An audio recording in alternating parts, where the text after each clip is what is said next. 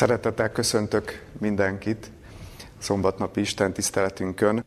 A felnőtteknek szóló Isten tisztelet előtt néhány gondolatot hadd szóljak hozzátok gyerekek, mert tudom, hogy azért a családokban odaülnek, és odaültök a képernyők elé ti is. És egyetlen kis ige verset hoztam nektek a mai napra, és ez pedig úgy hangzik, ez Krisztus mondja, hogy ami embereknél lehetetlen, az az Istennél az Istennel együtt lehetséges.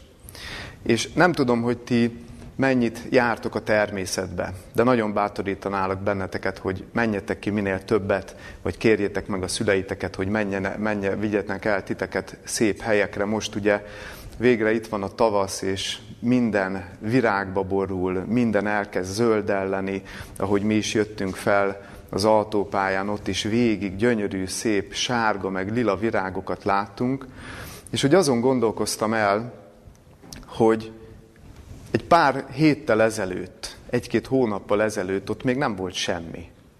És minden olyan halottnak, olyan kietlennek tetszett. És olyan szinte lehetetlen elképzelni azt, hogy majd ebből egyszer valami szép lesz, amikor nincsen levél a fán, nincsenek virágok, csak szürke, meg barna minden, és utána eltelik egy pár hét, melegszik az idő, és a, az ott lévő magok, a földben lévő magok kisarjadnak, kikelnek, a fák virágba borulnak, és hogy azon gondolkoztam, hogy, hogy milyen sokra tanít minket az Isten a természettel is. Mert tanít minket egymáson keresztül, tanít minket a Biblián keresztül, de tanít minket a természeten keresztül is.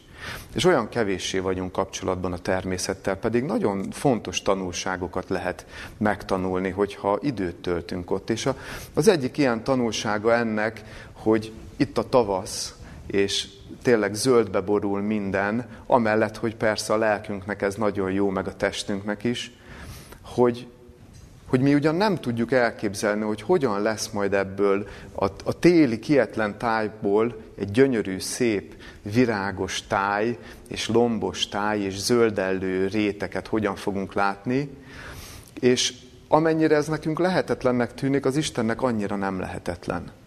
És ebből nekünk az a tanulság, tudjátok, hogy az életben nagyon sokszor kerülünk, és ti is a ti kis életetekben biztos, hogy kerültök olyan helyzetben, amikor valamit nem tudtok megoldani. Olyan élethelyzet áll elő, hogy nem tudtok kibékülni a társatokkal, vagy az iskolában olyan problémák lépnek fel, vagy akár otthon olyan problémák lépnek fel, ami, ami, ami olyan megoldhatatlannak látszik.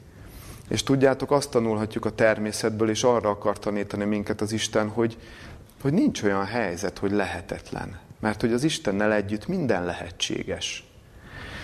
És ennek nem szeretem azt a szót, hogy feltétele, de talán úgy mondanám, hogy, illetve kérdezném, hogy ehhez tudjátok, hogy mi szükséges, hogy, hogy valóság legyen az életünkben az, hogy a lehetetlen mégis lehetségessé válik. Erre egyetlen egy dologra van ehhez szükség. Mégpedig arra, hogy befogadjuk ezt a sok szépet. Hogy időt töltsünk ebben a szépségben, és hogy engedjük, és has, engedjük azt, hogy hasson ránk.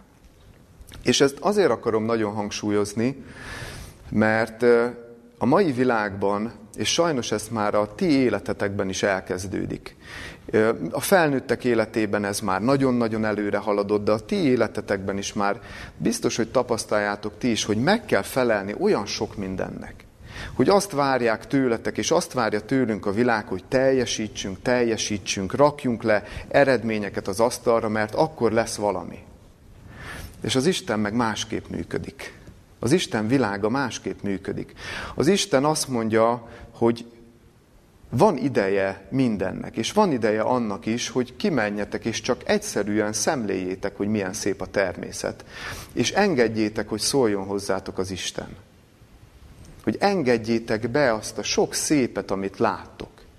És erre sok felnőtt azt mondja, és ösztönösen úgy reagálunk, hogy jaj, hogy mindig tevékenykedni kell, meg csinálni kell, mert akkor lesz valami eredmény, és persze valahol ennek is megvan a helye. Mert vannak kötelességeink az életben, amiket meg kell csinálni, vannak munkáink, vannak feladataink. De tudjátok, ahhoz, hogy ezekben jól helytáljunk, hogy egészségesen helytáljunk ezekben, ahhoz elengedhetetlen, hogy néha jó értelemben, de elengedjük magunkat, pihenjünk egy kicsit, menjünk ki a természetbe, és csak, és csak engedjük, hogy, hogy hasson ránk az Isten a természeten keresztül is. És tudjátok, nekem olyan sokat jelent például az, hogy, hogy ezt a mintát és ezt a példát, ezt látom Jézustól is. Nagyon ritkán beszélünk erről. Olyan apró jelenetek vannak a Bibliában megfogalmazva és leírva, amin olyan könnyen és gyorsan tovább siklunk, és csak a nagy dolgokról szoktunk mi beszélni felnőttek. Mit kell még megcsinálni? Mennyi embert kell még megszólítani? És igen, ezek fontosak, ezek nagyon-nagyon fontosak. De, de tudjátok, vannak olyan jelenetek, amikor Jézus csak úgy leül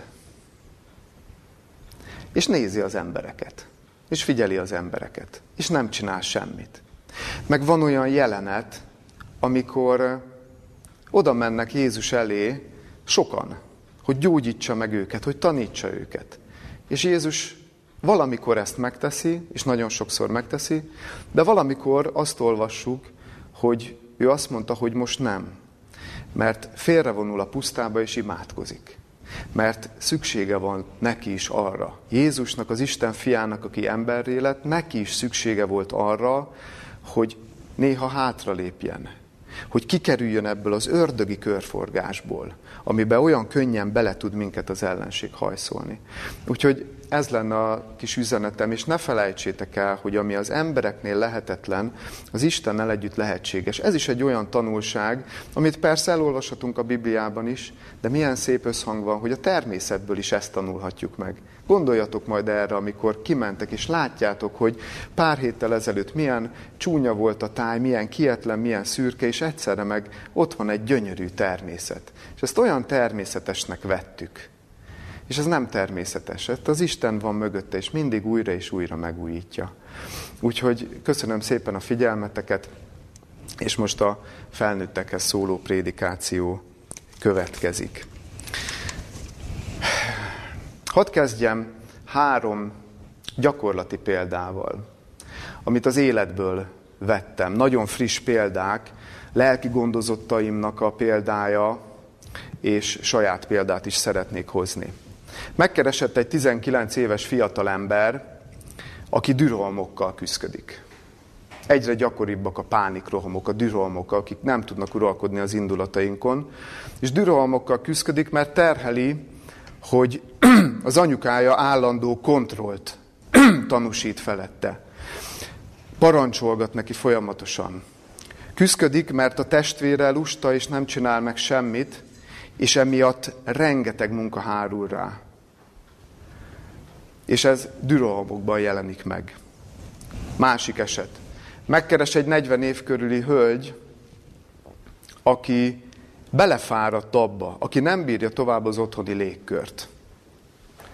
Nem bírja tovább férjének a közönyét. Nem bírja tovább a férjének a bántalmazását, a verbális bántalmazását. És belefáradt ebbe és válni akar. Aztán ott van a saját tapasztalat is. Elültettünk nagyon-nagyon sok levendulát, és úgy időzítettük ezt az ültetést, hogy a meteorológia szerint egy, egy-két napon belül jönnie kellett volna az esőnek. És nem jött az eső, és én meg dühös lettem, és kétségbe esett. És tudjátok, ez az életnek három olyan területe, ami teljesen különbözik egymástól. Látszólag semmi közük egymáshoz, különböző esetek. De mégis közös a gyökér, és közös a probléma. És tudjátok, hogy mitől szenved mind a három ember? Valami olyantól, ami a legtöbb emberi problémánknak a gyökerében ott van. De nagyon ritkán nevezzük néven. Nagyon ritkán jutunk el oda, hogy meg is fogalmazzunk, akár a magunk számára, vagy meglássuk a másik embernek a, az életében és a problémája mögött, és ez nem más, mint a tehetetlenség. Mert a 19 éves fiú szembesül azzal, hogy nem tudja megváltoztatni az anyukáját, aki továbbra is kontrollálni akarja őt folyamatosan, és parancsolgatni akar neki. És rengeteg munkával látja el, sokkal többel, mint amit ő el tud hordozni.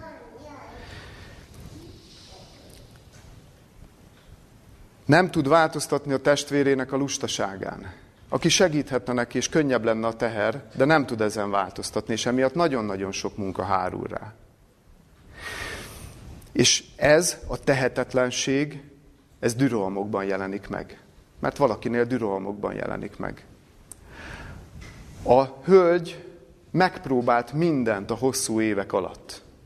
Megpróbált hatni a férjére szépen. Megpróbált durván hatni rá. Megpróbált kiborulni. Megpróbált sírni. Megpróbált imádkozni, megpróbált mindent, hogy változzon, de nem változik.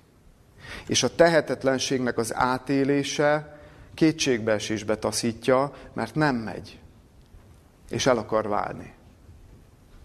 Én meg azzal szembesülök, hogy volt egy vágyam, hogy elültetjük a levendulát, és majd két nap múlva jön az eső, és nekem nem kell meglocsolni 6000 tövet, 5000 négyzetmétert, azért azt nem olyan egyszerű meglocsolni kézzel. És azzal szembesülök, hogy, a, hogy ez a vágyam, hogy így kellene zajlani az eseményeknek, hogy így kellene történnie az eseményeknek, ahogy én azt elképzelem, az az életben csak nagyon ritkán adatik meg. Nagyon ritkán van olyan, hogy mindenben, a legtökéletesebben, hogy a tervek szerint működjenek a dolgok. Olyan könnyedén, olyan jól. És a tehetetlenségünk az valójában az az érzés, amikor, amikor rádöbbenünk, hogy a legtöbb életkörülményre, a legtöbb emberre, még a hozzám legközelebb álló emberekre is alig-alig vagyok hatással. Alig-alig tudok bármit is elérni és megváltoztatni. Olyan pici a befolyásunk, amikor azzal szembesülünk, hogy olyan pici a mi befolyásunk, olyan pici a mi hatalmunk. És tudjátok, hiába fogalmazza meg ezt számunkra a Biblia is. Értsétek jól ezt a hiábát. Mert ott van szinte minden lapon. Csak egy igét hadd idézzek. Jeremiás könyve 10. fejezet 23. vers. Tudom, Uram, hogy az embernek nincs hatalmában az ő útja. És egyetlen járókelő sem teheti, hogy irányozza a maga lépését. És ott van, és olvassuk, és amikor mégis belekerülünk, nem tudunk vele mit kezdeni. Mégis, hiába tudjuk ezt, ha, ha felszínre kerül egyáltalán, az egész életünket mégis úgy tűnik, hogy az jellemzi, hogy a legtöbb energiát, de mindenképpen jelentős energiákat fordítunk arra, hogy a saját elképzelésünk szerint alakítsuk a körülményeinket, a körülöttünk élőket, mint hogyha az adná meg nekünk a vágyva vágyott biztonság és békességnek az érzését, ha azt érezzük, hogy a mi hatalmunkban van a saját életünk, hogy a mi kezünkben van a gyeplő, hogy mi irányítunk, hogy nálunk van a kontroll. És ez megnyilvánul úgy az egymással való viszonyunkban, hogy lépten nyomon és észrevétlenül elvárásokat támasztunk egymás felé. Mert most nézzünk őszintén magunkban. Ki az, aki nem gondolkodott már legalább egyszer úgy életében, hogy legyél már olyan, mint ahogy én azt akarom. Viselkedjél már úgy, mint ahogy én azt akarom. Gondolkodjál már másképpen, mert én így gondolkodok, te meg másképp, és ezt nem tudom elviselni. Hányszor és hányszor van, hogy ezek a, a tudat alatti folyamatok határozzák meg a kapcsolatainkat, és nem értjük, hogy miért nem működnek. Vagy a másik, hogy, hogy valahol nagyon mélyen a lelkünkben él és hat az a gondolat, hogy a világnak annak úgy kellene működnie, ahogy én azt elképzelem. Egyszerű, hétköznapi, szinte jelentéktelen dolgokat mondok. Elmegyünk a postára, és sor van. Miért leszünk dühösek? Miért leszünk indulatosak? Vagy olvassuk a híreket, és már megint azt olvassuk, hogy egy olyan törvényt hoztak, ami nem működik. Nem, ami, mármint, hogy ami, ami rossz nekem. És megint csak indulatosak leszünk. Megint csak dühösek leszünk. A tehetetlenség érzése az gyakorlatilag akkor jelenik meg, amikor azzal szembesülünk, hogy a valóság és az élet az sokszor teljesen más, mint ahogy én azt elképzelem, és máshogy működnek a dolgok. Mert én elmegyek a postára, és az van a fejemben, hogy elmegyek és elintézek egy perc alatt mindent. És ott van előttem három ember, és mindegyik fél óráig van a, pult előtt. És már eddig vagyunk. Mert nem erre számítottam, nem ezt vártam. Tehát amikor nem úgy történnek a dolgok, mint ahogy azt mi elképzeljük, ez megbetegítő, hogyha nem kezdünk valamit vele, hogyha nem tudunk helyesen reagálni rá. És figyeljétek meg, hogy nagyon-nagyon sok hithőssel, bibliai szereplővel ugyanezt történt. Csak valahogy ebből a szempontból nem nagyon szoktuk megközelíteni. De ez történt például Illéssel is. Csak épp egy jóval komolyabb esemény kapcsán. Ez történt Illéssel, ami után ugye a Kármelhegyi csoda megtörténik és tűzszáll alá az égből illés imájára. És itt szeretnék is felolvasni e, részletet. Ugye a Királyok első könyve 18.-19. fejezetében van megörökítve e, Illésnek a története, illetve a Kármelhegyi események és az azt követő e, depressziója Illésnek. És a Királyok első könyve 18. fejezetéből a 42, 43, 44. verset hadd olvassam fel. És felment Akháb, hogy egyék és igyék. Illés pedig felment a Kármelhegy tetejére, és leborult a földre, és az ő orcáját az ő két térde közé tette. És mondta az ő szolgájának, menj fel, és nézz a tenger felé. És felment, és arra felé nézett, és mondta, nincs semmi. És mondta Illés, menj vissza hétszer. És lett heted úttal, mondta a szolga, Ímé egy kis felhőcske, mint egy embernek a tenyere jön fel a tengerből. Akkor mondta, menj fel, mondd meg Akhábnak, fogj be, és menj le, hogy meg ne késeleljen az eső. Ugye az van a történet hátterében, hogy, hogy az Isten egy három és fél éves aszályt hirdetett meg a zsidó népnek, hogy észhez térjenek, és meglássák, hogy mennyire eltértek az igaz Istentől, és hogy mennyire bálvány Istenek után fordultak, és hogy mennyire elhajlott az ő szívük az élő Istentől. És ugye ez az imája volt az, ez a hétszeri imája volt az, aminek a végén megjelenik a, a felhő, és arra azt mondja Illés, hogy igen, jönni fog az eső. És nem tudom, olyan könnyen túllendülünk az ilyen kis apróságokon is. Hétszer imádkozott úgy Illés, hogy térdre borult, és a feje a térde között volt. De miért kellett hétszer imádkoznia? Miért nem jött legelőször már? Nem volt hite Illésnek egy olyan esemény után, ami megtörtént? Addig a pontig kellett eljutnia Illésnek, és azért kellett hétszer imádkoznia, ami egyben egy szimbolikus szám is, mert el kellett jutnia Illésnek odáig, hogy elfogadja, hogy hogy ő tehetetlen. Hogy nem tőle lesz, és nem miatta lesz eső, hanem hogy minden eseményt az Isten irányít, és hogy Isten a minden, és hogy mi hozzá képes semmik vagyunk. Nem egy ilyen pejoratív, negatív értelemben mondom ezt. Hanem, hogy tehetetlenek vagyunk, és nincs hatalmunk, hogy ezeket a, a, az életkörülményeket befolyásoljuk. És, és azt gondolnánk, hogy de jó illés, illésnek sikerült elfogadni a tehetetlenségét, a gyengeségét. És hogy akkor innentől kezdve már biztos, hogy meg fog gyógyulni, innentől kezdve biztos minden rendben lesz. Mert hát ugye a betegségből való gyógyulásnak az első számú feltétele a beismerés. És azt gondolnánk, hogy innen megindul az út. És nem ez történik, hanem az történik, hogy Illés elfogadja, hogy felette állnak ezek az események, elfogadja, hogy ő pusztán egy eszköz, és hogy minden az Istentől van, és erre másnap depresszióba esik. Pontosabban másnap elkezdődik egy nagyon komoly mély zuhanása. Még mindig van Illés lelkében valami, ami, aminek nem kellene ott lennie. Ami megbetegít minket is. Miért? Mi van ott? És hasonlóképpen, miért csüggettek el az Emmauszi tanítványok, amikor Jézus többször elmondta nekik, hogy meg fogok halni, és ennek így kell lennie, itt vannak a proféciák. Miért csüggettek el? Elmondtam. Miért gerjedt haragra Káin, és öli meg végül Ábelt? Miért üti le Mózes az egyiptomit, és végül egy későbbi szakaszban meg haragosan és indulatosan rácsap a kősziklára, amiből víz fakad? Ami miatt ugye nem mehetett be végül a, az ígéret földjére. Miért nem várja meg Saul Sámuelt a harc előtt, és miért gyújtja meg hamarabb és idő előtt az áldozati oltárt? Mi a közös bennük, és még rengeteg példát, bibliai példát lehetne hozni. Ezek közül nem mindenki volt hithős, de sokan igen.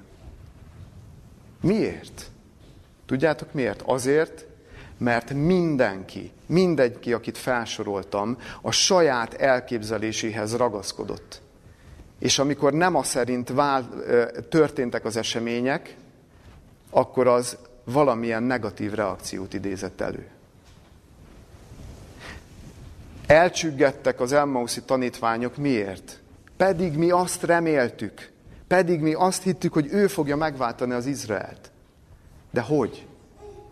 Úgy, hogy a római igától felszabadítja őket, katonailag ki, kiűzi őket, és itt lesz egy király, aki megvéd minket, aki kenyeret ad a népnek, aki 5000 embert megvendégelt, meg 4000-et, aki halottakat támasztott fel, és hát itt egy földi paradicsom lesz. Nem tudtak elszakadni ettől az elképzeléstől, akkor sem, amikor Jézus világossá tette, hogy mi lesz az ő életének a vége. Nem tudtak elszakadni ettől az elképzeléstől, a vágyaktól.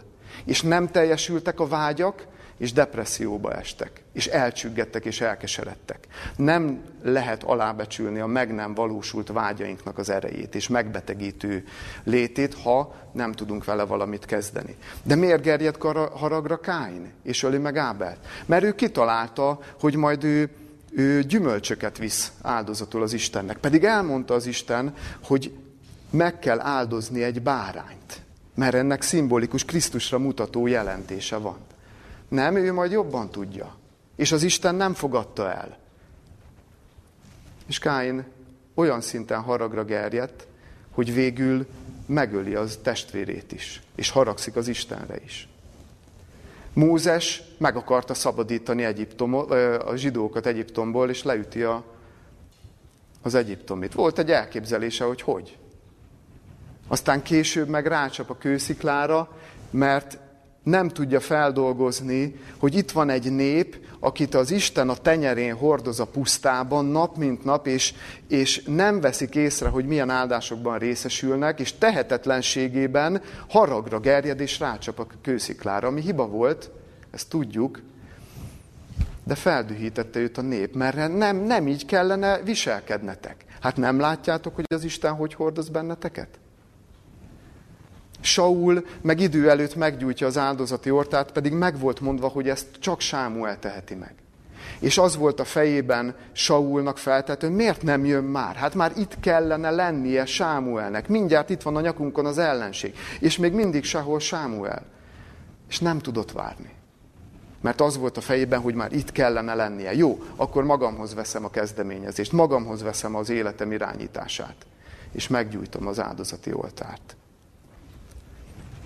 És mi van akkor, kérdezem, amikor a mi vágyaink nem teljesülnek? Mi van akkor, amikor a mi életünkben nem úgy alakulnak a dolgok, ahogy azt szeretnénk? Akkor mi milyen reakciót adunk erre? Hogyan reagálunk erre? És nyilván ahány ember, annyiféle reakció, amiket be lehet kategorizálni. Valaki depresszióba esik. Valaki agresszív lesz, valaki indulatos lesz, valaki összeszorítja a fogát, csikorgatja a fogát, és azt mondja, hogy de akkor is megcsinálom. És még jobban fogok igyekezni, és még többet fogok tenni. Teljesen mindegy, hogy mi a reakció. Ezeket a reakciókat egyetlen szóval össze lehet foglalni. És ez az egyetlen szó vagy fogalom, ez a lázadás. Bármennyire is keményen hangzik, ha nem tudjuk elengedni a saját elképzeléseinket, ha nem tudjuk elfogadni az akaratunkat, akkor mi lázadunk az Isten ellen. Nem gonoszságból persze. Nem egy ilyen megkeményedett, előre megfontolt lázadás ez. Nem. De akkor is lázadás. Akkor is néven kell nevezni a dolgot. És tudjátok, végső soron az Isten ellen lázadunk. Mert nagyon gyakran őt kezdjük el hibáztatni. Mert hát, te miért gondolsz más? Hát én így akarom. Én így akarom. És nem ez lesz. És kézenfekvő, hogy, hogy, hogy egyből az Istent vádoljuk, meg másokat is persze. Meg sokszor önváddal magunkat is. Nagyon sokféle árnyalata van ennek. És ez sem meglepő, ez sem új keletű dolog. Mi volt az első reakciója Ádámnak és Évának a bűnesetnél? Vádolták az Istent. Mind a ketten. Aki nem tudja elfogadni a saját gyengeségét, aki nem tudja elfogadni a saját tehetetlenségét, aki nem néz ezzel szembe, aki nem meri átélni, aki nem tud lemondani a saját akaratáról, az elképzeléseiről, az, az, az előbb-utóbb oda, jön, oda jut, hogy, hogy lázadásba kezd. De van itt egy még nagyobb kérdés, hogy hogyan lehet vajon lázadóként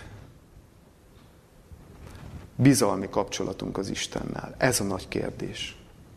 Hogyan lehet lázadóként bizalmi kapcsolatunk vele? És óriási példa nekünk Pálapostól, aki végigment ezen a folyamaton, és akinek sikerült elfogadni a, a gyengeségét, a tehetetlenségét. Sikerült elfogadni azt, hogy nincs hatalma az események felett. És a második korintusi levél 12. fejezetében az a nagyon híres igeszakasz, amit olyan gyakran idézünk. De nem tudom, mennyire merünk nagyon mélyen, igazán mélyen szembenézni vele. Ezt én most szeretném felolvasni.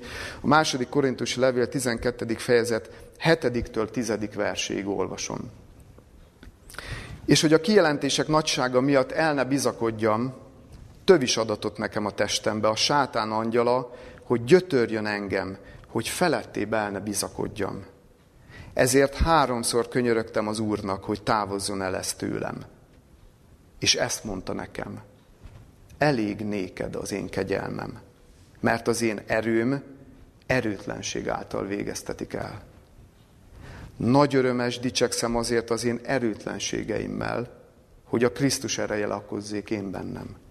Annak okáért gyönyörködöm az erőtlenségekben, bántalmazásokban, nyomorúságokban, üldözésekben és szorongattatásokban Krisztusért. Mert amikor erőtelen vagyok, akkor vagyok erős.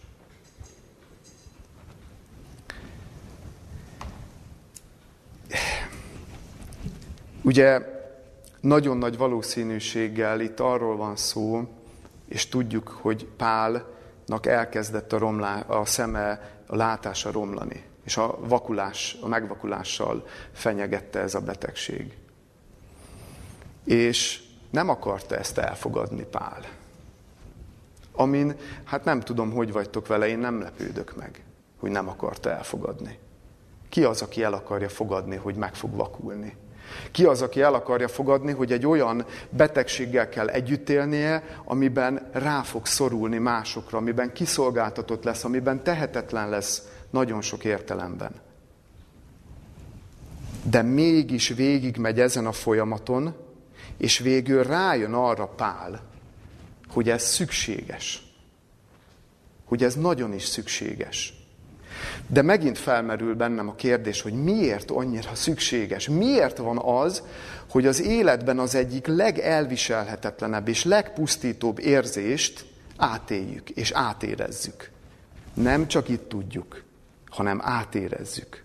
Miért van erre szükség? Mert hogy a tehetetlenségnek a megélése az egy, az egy annyira, annyira taszító dolog, amitől menekülünk ösztönösen. Beszélgessetek idősekkel, hogy attól rettegnek, hogy tehetetlenné válnak és haszontalanná válnak. Vagy olyan emberekkel, akik valamilyen fogyatékossággal bírnak. Mindig és mindenki elmondja, aki beszélget ilyenekkel, hogy, hogy csak azt akarják érezni, és azzal tudunk nekik a legtöbbet segíteni, hogyha hasznosnak érzik magukat.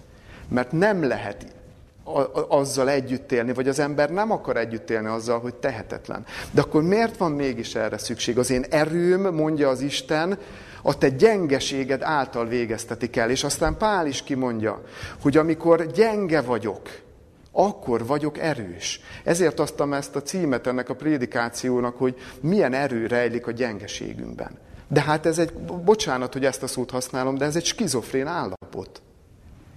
Hát az emberi természetünk, a megromlott emberi természetünk mindent akar, csak azt nem, hogy gyenge legyen. Ki akar gyengének mutatkozni? Ki akar gyenge lenni? Ki az, aki még dicsekszik is ráadásul a gyengeségével, a tehetetlenségével? És akkor mégis milyen erő van ebben? Ha, ha annyira ellenkezünk ez ellen, és annyira nem akarjuk átélni.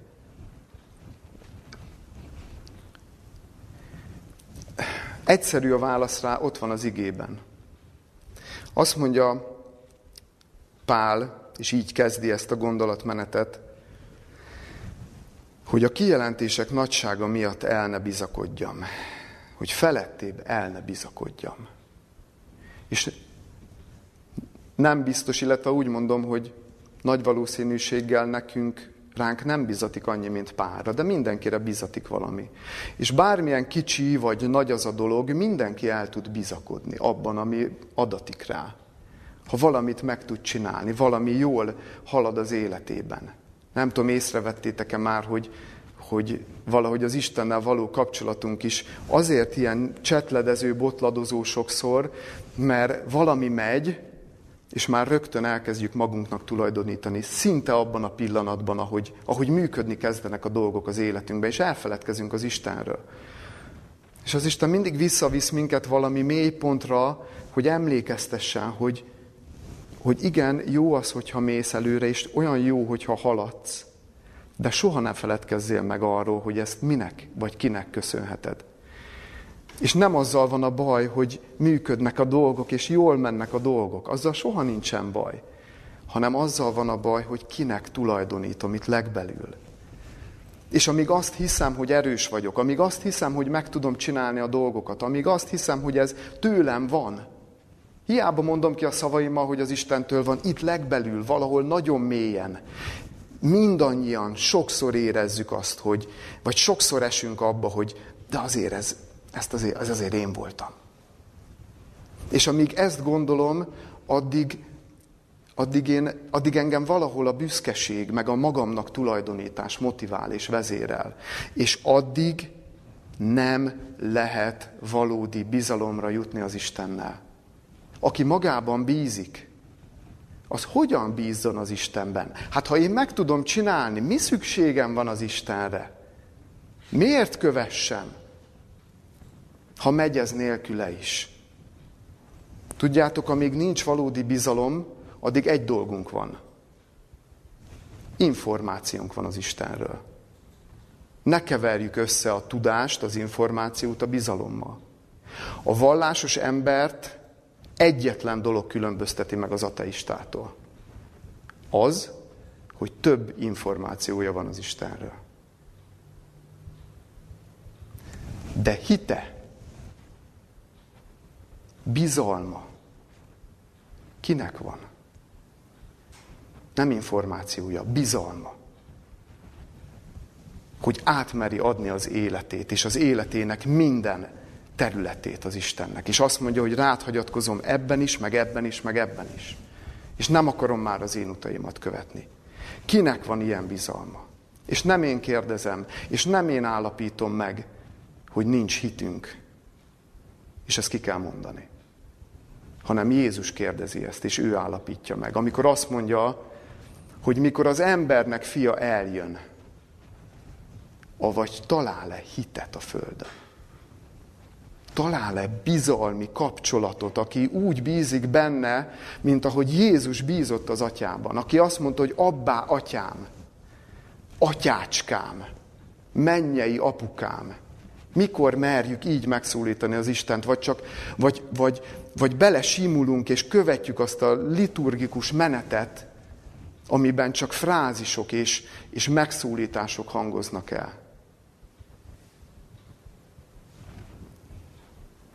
Ki van olyan bizalmi kapcsolatban az Istennel, hogy csak egy mustármagnyi hite legyen, nem több, csak egy mustármagnyi, mert azt mondja Jézus, és megint ő állapítja meg hogy ha csak annyi hitetek lenne, mint egy mustármagnak, Ha azt mondanátok ennek a hegynek, hogy omoljon le, leomolna. De azt mondja, hogy nincsen egy mustármagnyi se. Mert ha lenne, nem kérdezné. És ezzel ne, ne értsetek félre, nem ilyen ostorozni akarom magunkat. Szó sincs róla.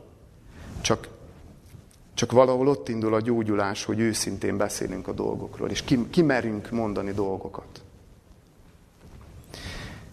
És azt is tudom, hogy mindannyian erre vágyunk, hogy az Istennel ilyen kapcsolatban legyünk. Ki az, aki nem erre vágyik? Erre vágyik mindenki. De akkor miért nem valóság ez még? Vagy miért, miért van az, hogy csak olyan pillanatokra valóság? Mert tudom, hogy mindannyian meg is tapasztaltuk már ezt. De miért? Miért csak pillanatokra? Miért nem állandó? Miért nem fejlődő? És visszakanyarodunk a kiinduló ponthoz. Mert hogy olyan gyémánt keménységű a büszkeségünk, hogy az egyetlen egy folyamatban tud csak összetörni. Egyetlen egy folyamat van, ami összeképes törni azt, hogy ragaszkodjunk az elképzeléseinkhez, hogy, hogy magunknak tulajdonítsuk az érdemeket, hogy majd mi jobban tudjuk, majd mi kitaláljuk, és ez a folyamat, ezt ma, megint csak Jézusra hivatkozok, ő mondja ki, Máté 21.44, aki e kőre esik, szétzúzatik, akire pedig e kő esik, szétmorzsolja azt. Ugye tudjuk, hogy a kő amire ráesünk, az maga Krisztus. Saját magáról beszél Krisztus. Aki nem törik össze, akinek az egója, akinek a büszkesége nem törik össze, és nem hagyja, hogy összetörjem, arra majd az vár, hogy, az, hogy, hogy szétmorzsolja. És itt a válasz arra, hogy miért nem akarjuk elfogadni a gyengeségünket és a tehetetlenségünket. Megadja Jézus a választ. Hát ki az, aki szeret szétzuzatni? Ki az, aki vágyik arra, hogy... Ért? Tehát halljátok a szót. Szétzuzatni. Ki az, aki erre a tapasztalatra vágyik? Hát önmagától, az emberi természetétől senki. Mert mindenki erős akar lenni. Mindenki a legjobb arcát akarja mindig mutatni. Beszélgettem nemrég fiatalokkal. És eljutottunk egy olyan pontra a beszélgetésben, amikor valamilyen változásról beszéltünk, és azt a kérdést tettem fel, hogy, hogy de, de mit tehetünk, hogy megváltozzunk, hogy megközelítettük innen, onnan, amonnan, mert nem emlékszem pontosan arra, hogy mi volt a konkrét téma, de azt tudom, hogy a változásról volt szó, hogy, hogy megpróbáljuk így, megpróbáljuk úgy, és nem megy, és, de hogy mit tehetünk mégis, hogy akkor változzunk hogy szelidüljünk. És ekkor megszólalt az egyik fiatal, és teljesen helyesen azt mondja, hogy nincs más, mint az ima. Nincs más, mint az ima. Hogy leborulunk, és azt mondjuk, hogy ez nem megy, és hogy gyere az életembe, és valamit tegyél.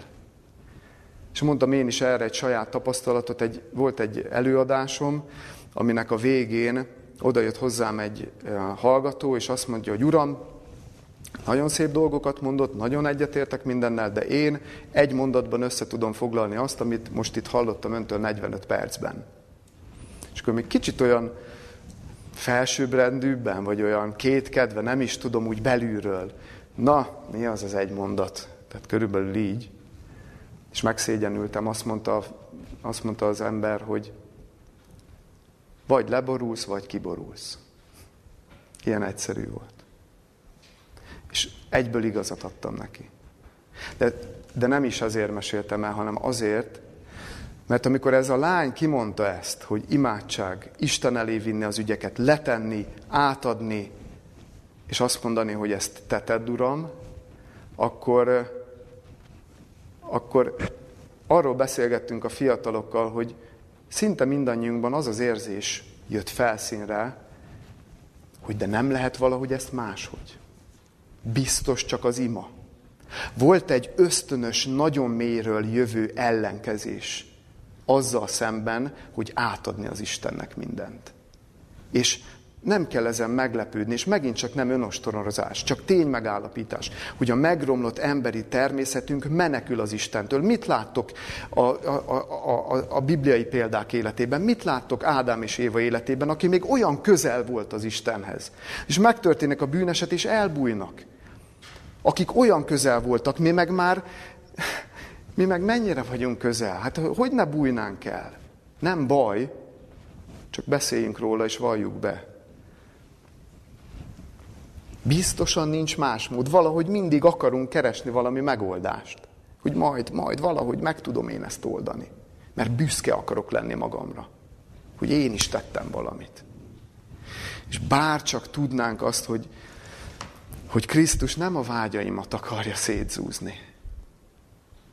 Nem a jót akarja megvonni tőlem, hanem csak a büszkeségemet, a, az elképzeléseimhez való végletes ragaszkodást akarja szétzúzni. Mert mi mindent megszerezni akarunk magunknak, mi mindent megkaparintani akarunk magunknak, mert erre sarkal minket a megromlott természetünk, a büszkeségünk. Majd én megszerzem szeretetet, elfogadást, elismerést, tiszteletet, békességet, bölcsességet, hírnevet, egészséget, mindegy, hogy miről beszélünk, de mindent mi akarunk megszerezni. Miért olyan nehéz elfogadni ajándékba? Miért mi mindent, miért mi akarunk mindent megszerezni? Miért nem lehet elfogadni? Miért olyan nehéz elfogadni az ajándékokat az Istentől? Nem jött az eső a levendula ültetés után. Vártam még egy pár napot, és aztán be kellett szereznem szivattyút, locsolócsöveket, de 120 métert, meg egy komoly szivattyút, ezek kiadások voltak, ezek is bosszantottak, miért erre kell most költeni a pénzt, stb. stb. Meglocsoltam nagy nehezen, három órányi víz van a kútban, utána az kifogy, és utána minden nap újra töltődik. És nem is tudtam egyszerre. Ki fognak száradni, miért nem küldted az esőt, pereltem az Istennel, de meglocsoltam. És aztán felhívtam az embert, akitől vettük a levendulát, aki ért a termesztéséhez nagyon, és kérdeztem, hogy figyelj, mennyi idő közönként kell most ezt locsolni. Azt mondja, figyelj, jövő hétre mondott esőt, meteorológia, addig még egyszer locsold meg. És ugye elkeseredtem, mert megint. Ez 15-16 óra, mire én ezt meglocsoltam napi három órával. És képzeljétek el, egyik hajnalban arra ébredünk, feleségemmel, hogy szakad az eső. Pedig semmilyen jel nem mutatott arra, hogy esni fog. Meteorológiát folyamatosan böngésztem, mikor esik, csak nem kéne meglocsolnom, megint küzdködj. És, és nem. És egyszer csak a semmiből jött az eső. És még ott azon a hajnalon elkezdtem imádkozni, és megkérdeztem az Istent, hogy de miért így? Miért így? Érdekel, hogy miért így vezetsz.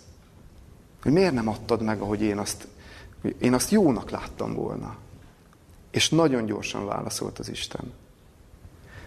Tudjátok, miért rendezte így a dolgokat az Isten, és, so, és rendezi nagyon sokszor? Azért, hogy hálásak tudjunk lenni. Hogy hálásak tudjunk lenni. Mert a hála a legjobb és legtartósabb ellenszere a büszkeségnek. Mert a hálában egyetlen dolog jut kifejezésre. Köszönöm az ajándékaidat. Elfogadom. Minden, ami ezen felül van, kisebb vagy nagyobb mértékben, de a harácsolás, a követelőzés, a megszerzés, a megkaparintásnak a, a, az élete.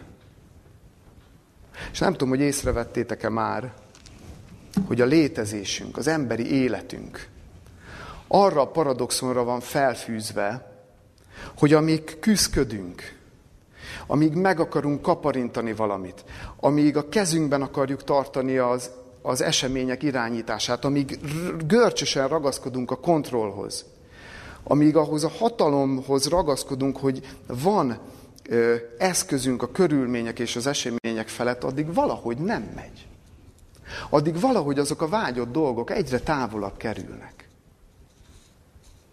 Amikor meg elengedjük ezt, És Pállal együtt kimerjük mondani, és nem csak kimerjük mondani, és nem csak frázisként idézzük, és nem csak a gondolatainkban van jelen, hanem átéljük a tehetetlenségünket, és elfogadjuk azt, és ezen a talajon, ezen a megtisztított talajon megjelenik egy mustármagnyi picike kicsi hit. Picike, írt. Nem tudom, hogy fogtatok-e már mustármagot a kezetekben, még a mák szemnél is kisebb. Csak annyi kell az Istennek, de ahhoz tiszta talaj kell, hogy az oda kerülvén elkezdjen gyökeret verni. És ahogy elengedjük, ahogy, ahogy átadjuk a, a, az Istennek az életünket minden tekintetben, abban a pillanatban megjelenik ez a pici mustármag, megjelenhet, gyökeret verhet, és megkapjuk, amire vágyunk. És ez egy paradoxon. Hát eddig küzdködtem, nem ment. Most meg elengedtem az egészet, és egyszer csak megkapom. Én így kaptam a feleségemet. Például. Hogy egy nagy dolgot mondjak. És nem biztos, hogy úgy, és nem biztos, hogy akkor, és nem biztos, hogy azt kapom, ami és ahogy az az én fejemben volt. De egyben biztosak lehetünk, hogy sokkal többet és jobbat fog adni az Isten. Merünk hinni ebben? Vallásosak vagyunk, vagy hívők? És figyeljétek meg, hogy olyan csodálatos Istenünk van. Mert egyszerre szabadít meg bennünket az önzésünktől, a büszkeségünktől, az egónktól, és amikor ezt a szántatlan ugart, ezt a kietlen, mindenkinek csak sebeket és fájdalmat okozó ugart felszántja azáltal, hogy összetöri a büszkeségünket, az egónkat, az énünknek a megromlott részét, megszabadít ezektől a fájdalmas utasoktól, jobb lesz nekünk is, jobb lesz a környezetünkben élőknek is, de a következő pillanatban már el is halmoz bennünket minden jóval. És valahogy így válik élővé az ige, hogy megsebez, de be is kötöz megsebez, de be is kötöz. Hát ilyen Istenünk van. Amen. Most pedig imádkozzunk. Jó atyánk, olyan nehéz szavakat is találni, hogy mit mondhatnánk. De csak őszinték akarunk egyszerűen lenni veled. Minden vallásos másztól mentesek. És csak azt akarjuk kérni, hogy igen, sebez meg minket. Félünk ettől a tapasztalattól, atyánk. Félünk, nagyon rettegünk, menekülünk előle. De mutasd meg magad, hogy ne féljünk. Jelentsd ki magad mindannyiunknak, hogy ne féljünk ettől, mert nem bántani akarsz minket, hanem sokkal jobbat adni egy új talajon egy új élet lehetőségét.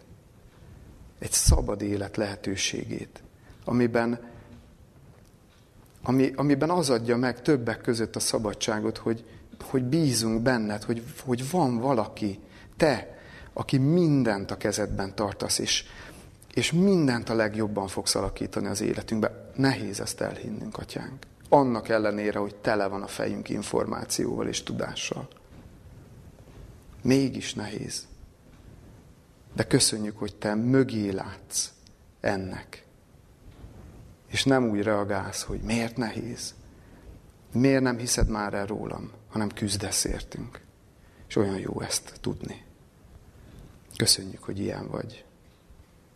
Amen. Az